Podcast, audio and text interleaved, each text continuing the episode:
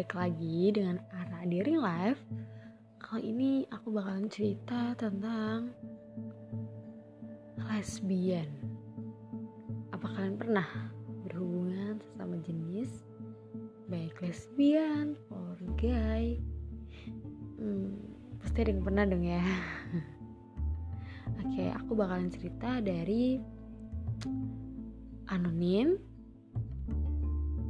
Dia bilang pernah Semenjak saya usia 17 tahun atau kelas 2 SMK tahun 2009, saya tomboy dan pacar saya rata-rata cantik.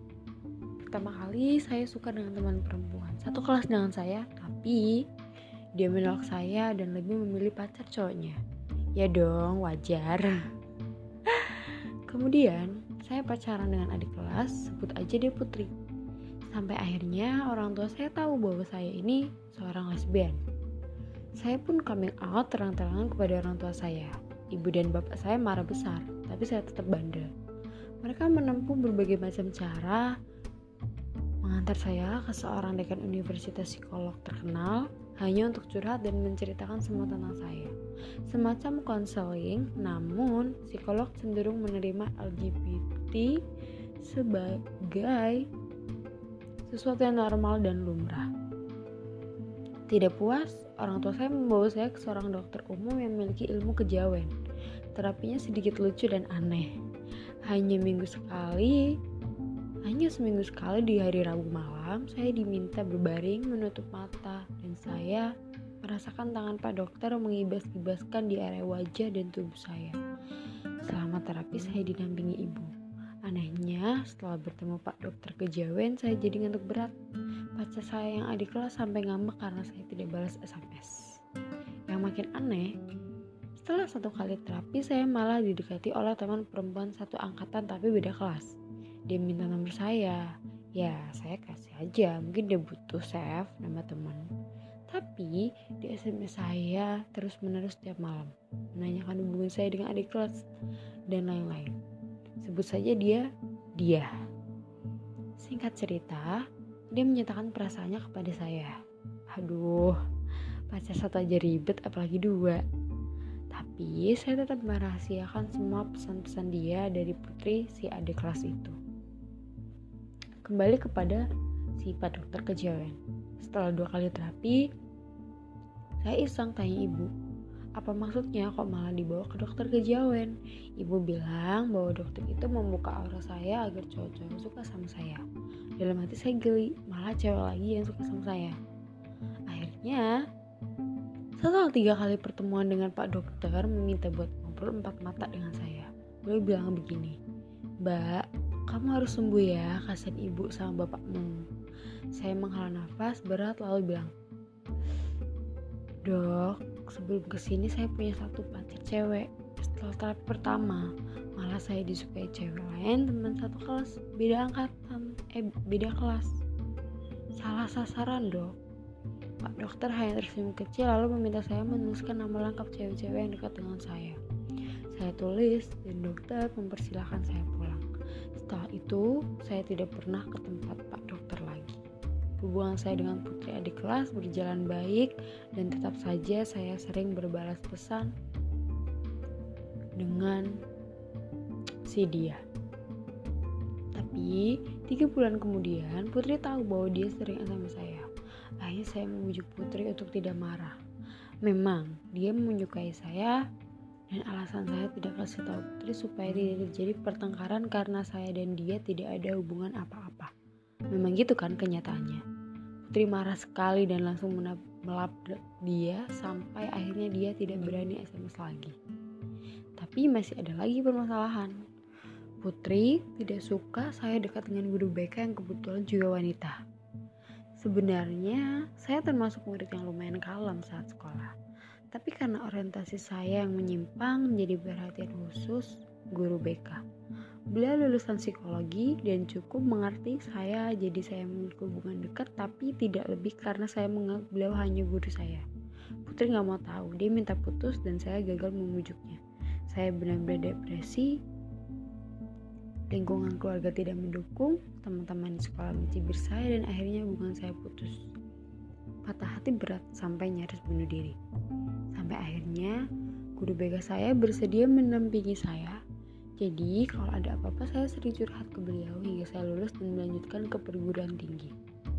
Kehidupan mahasiswa lebih bebas, boleh pakai pakaian bebas asal sopan.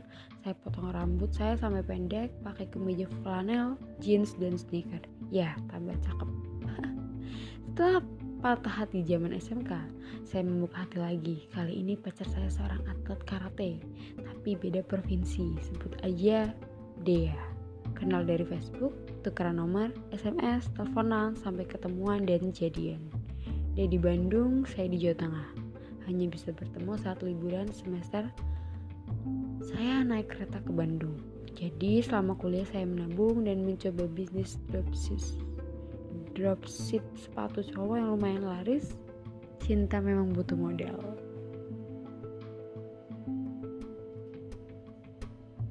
tapi lama kelamaan saya merasa sedikit jenuh dia di dunia olahraga sedangkan saya dari dunia saintis. Kurang nyambung. Akhirnya saya mulai cari gebetan. Dapat dia teman satu angkatan tapi beda kelas. Hanya saja dia LDR dengan pacar cowoknya yang kerja di Jakarta. Tapi lama-kelamaan saya merasa cuma dimanfaatkan untuk bikin tugas dan meminjam alat praktek. Kenyataannya, dia tetap memilih cowoknya. Sedangkan hubungan saya dengan Dea, sang atlet juga tidak dapat bertahan lagi. Akhirnya saya lepas semua. Tak terasa, saya sudah semester 7. Skripsi sudah di depan mata tapi saya menundanya satu semester karena lebih doyan mengurus bisnis dropship daripada daripada skripsi. Saat teman-teman lain mulai membuat proposal skripsi, saya masih santai aja ngurus bisnis sampai akhirnya pada suatu malam ada seorang dosen chat Facebook saya menanyakan kabar. Saya kaget luar biasa karena beliau adalah idola, cantik, muda, baik dan pintar. Padahal saat dia mengajar di kampus, kami tidak pernah ngobrol, cuma saya memang merasa jarang melihat beliau di kampus. Ternyata beliau mendapat beasiswa S2 untuk kuliah di salah satu universitas terbaik di Bandung. Haha, lagi-lagi Bandung. Setelah ngobrol seru di Facebook, akhirnya kita tukar nomor HP dan lanjut kirim pesan lewat WhatsApp. Saya tahu dia sudah punya tunangan seorang pelaut di Singapura. Tapi justru dialah yang nembak saya duluan. Ya Tuhan, sudah jatuh tertimpa cinta. Saya sempat ragu untuk menerima karena karena dia sudah berstatus sebagai tunangan orang. Tapi dia adalah orang yang super super most wanted akhirnya saya terima dan kami menjalin hubungan hampir 2 tahun dan dengan akhir yang tragis bagi saya karena akhirnya dia akan menikah dengan pelaut itu. Saya sampai sakit sakit hati yang berujung ke sakit fisik tubuh saya kurus kering sampai tulang pipis saya terlihat menonjol opname di rumah sakit selama tiga hari tubuh saya demam mencapai suhu 40 derajat dalam sehari tubuh saya bisa demam 4-5 kali. Sangat menyiksa padahal sudah diberi antibiotik yang paling ampuh. Bobot saya susut 15 kg. Saya sering mengigau. Diberi paracetamol lewat infus tidak mempan, badan saya tetap demam parah. Sampai pada akhirnya ada seseorang yang membantu menyembuhkan saya. Beliau paranormal, dulu guru spiritual orang tua saya seorang bapak-bapak yang sudah cukup berumur, bukan Pak Dokter Kejawen. Beliau datang tengah malam saat saya sedang kritis, memijat saraf saya, dan ajaibnya, panas saya langsung turun. Keesokan harinya, saya tidak pernah demam lagi, hanya stamina saya belum pulih. Dua hari kemudian, dokter mendiagnosa saya terkena efusi pleura penumpukan cairan di selaput paru dan cairan itu harus disedot lewat punggung. Saya langsung teringat semua dosa-dosa saya. Efusi pleura adalah awal dari penyakit TBC. Tapi mengingat risiko yang pernah saya lakukan, saya khawatir kalau ada penyakit yang lebih ganas, TB atau HIV. Setelah cairan disedot dan tidak demam lagi, dokter memperbolehkan saya pulang dan meresepkan obat TBC. Tapi ibu meminta saya untuk bertemu dengan sang guru paranormal yang pernah menolong saya kakek paranormal itu meminta waktu hanya empat mata bersama saya kemudian mentotok beberapa syaraf saya terutama di bagian dada atas sebelah kiri tepatnya jantung sakitnya luar biasa tapi harus saya tahan dan berkata, kamu mau tahu suatu kenyataan dari dalam diri kamu? Saya jawab, kalau memang sudah saatnya saya harus tahu, tolong beritahu saja pak. Beliau tersenyum kecil, ambil sebatang rokok dan berkata, penyakitmu ini bawaan dari luar negeri. Awal masuk ke negara ini gara-gara penjajah Londo. Saya terkesiap, jangan-jangan Beliau memanti api di rokok dan mengembuskan perlahan. Penyakitmu itu mirip dengan HIV, tapi virus itu belum menjalar sampai otak karena waktu kamu kritis. Ada beberapa syarafmu yang saya totok agar aliran darahmu melambat dan penyakit itu tidak menjalar ke mana-mana. Karena kalau sudah mencapai otak,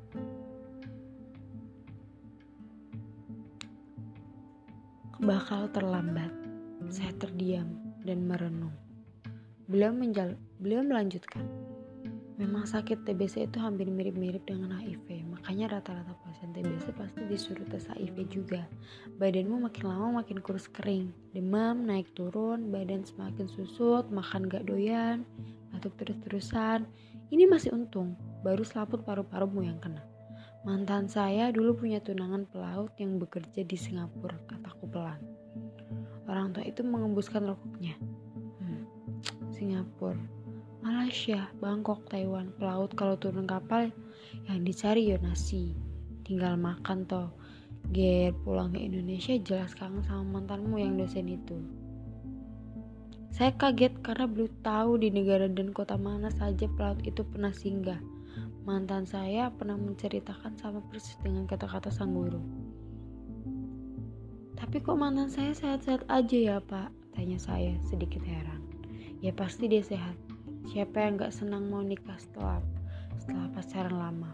Mantanmu itu udah lama pacaran sama pelaut itu. Beliau bertanya balik. Karena mantanmu sedang bahagia, jadi daya tahan tubuhnya lebih bagus dari kamu. Mending dia kelihatan sehat kak sekarang daripada kamu sakit.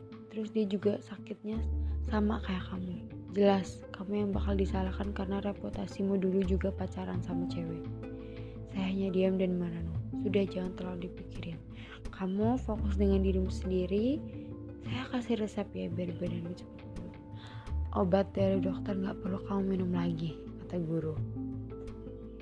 Resep dari saya murah kok. Nanti minta sama ibu buat racikin ya. Kamu sediakan satu siung kuning satu siung kunir putih, terus dibakar sampai keluar lendir putihnya. Setelah itu dibarut lembut, kasih air panas terus disaring biar ampasnya terpisah. Nanti dicampur madu biar tidak terlalu pahit. Kamu minum setelah bangun tidur dan sebelum tidur. Saya catat resep-resep ajaib dari bapak paranormal itu. Sebelum pamit saya berkata, Pak, apa saya ada kesempatan buat sembuh dari dunia kelam ini? Paranormal itu hanya tersenyum. Allah tidak akan mengubah nasib suatu kaum sampai dia mau merubah nasibnya sendiri. Bersyukur Allah masih memberimu kemurahan untuk sembuh dari penyakit ini. Saya tahu keadaan kamu. Kamu pulihkan kondisimu dulu. Setelah badan kamu sehat, kamu juga bisa berpikir dan memutuskan dengan lebih baik. Jangan terburu-buru. Semenjak kejadian itu, saya memutuskan untuk keluar dari dunia LGBT. Saya berpikir, Beberapa puluh kali saya patah hati, tersakiti dan tidak ada masa depan yang berarti di dunia LGBT. Sulit memang, bahkan setelah beberapa tahun saya keluar dari dunia LGBT masih juga ada wanita, ada wanita yang kepincut sama saya. Padahal saya sudah berusaha tampil lebih girly, memanjangkan rambut sampai sebahu. Untuk kehidupan sekarang, saya masih fokus untuk mengurus bisnis dan mencari serta menanti seorang pria yang mau menerima saya padanya. Mungkin ada teman-teman yang pro LGBT, mendukung LGBT, tapi said no, saya tidak mendukung tapi juga tidak menghujat mereka. Justru saya berusaha membuka jalan pikiran mereka dengan kisah saya. Tapi namanya juga manusia. Kalau belum disentil oleh Tuhan, mungkin masih berjalan dalam jalur buntu. Saya bersyukur saya disentil lebih awal dan keluarga saya mendukung saya untuk lepas dari dunia kelam ini. Sahabat dan kerabat juga mendukung. Lega rasanya. Pada akhirnya saya tahu jati diri saya. Wow, it's amazing. Jadi dia dari SMA udah lesbian dong sama di kelas. Wow, parah parah. Gak bayangin saya. Sekian cerita aku dari anonim aku gak tahu dia siapa dah